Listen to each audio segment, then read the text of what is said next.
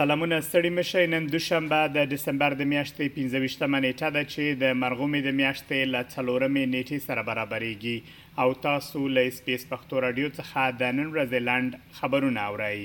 د استرالیا لومړي وزیر انتوني البنیزي د سیډني په لویدیځ د اوکسوډوس په فاونډیشن کې بې کوره خلکو ته د غرمې ډوډۍ ورکړه، چیرته چې د نیو ساوت ویلز ایالت لومړی وزیر کریس مینز هم له هغه سره یو ځای شو.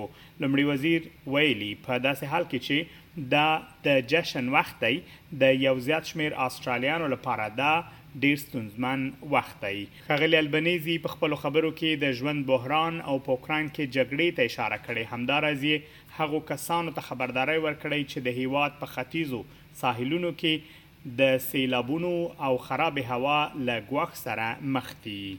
په داسې حال کې چې په کوینزلنډ ایالت کې د جاسپر له طوفان وروسته پاکوالی روان دی، د کوینزلنډ ایالت اوسېدونکي د کرسمس په ورځ یو ځل بیا تندریز طوفان ځپلي دي.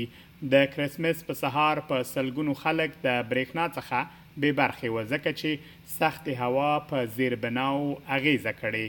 د هواپېژندنې له ادارې څخه انګس هاینز ویلي چې په ختیځه اسټرالیا کې د دوشنبې او سه شنبې په ورځو د سختو طوفانونو احتمال شته. په همدې حال کې د نیو ساوت ویلز په ځینو برخو کې سیلابونه راغلي، ځکه چې تندر د کوینزلنډ او ویکتوریا له سرحدونو څخه ګلۍ زیانمن بادونه او سخت بارانونه دغه ایالت ته راوړي. د بیړنیو خدمتونو ادارې رضاکاران د کرسمس په سهار خپل وخت د خلکو په مرسته لګولی دی. په تېرو څلور ویشت ساعتونو کې د سېلابونو پر مهال د ژغورنې پنځه ویشت جلا عملیات ترسره شوي دي. په داسې حال کې چې له پاکستان څخه د افغان کډوالو د وېستلو لړۍ دوام لري او په یاد هېواد کې مېشت افغانان له ستونزو شکایت کوي، له ایران څخه وروستي راپورونه ښيي چې د دغه هېواد په ځینو برخو کې د افغانانو پر ګرځنده فعالیتونو بندیز لګېدلی دی.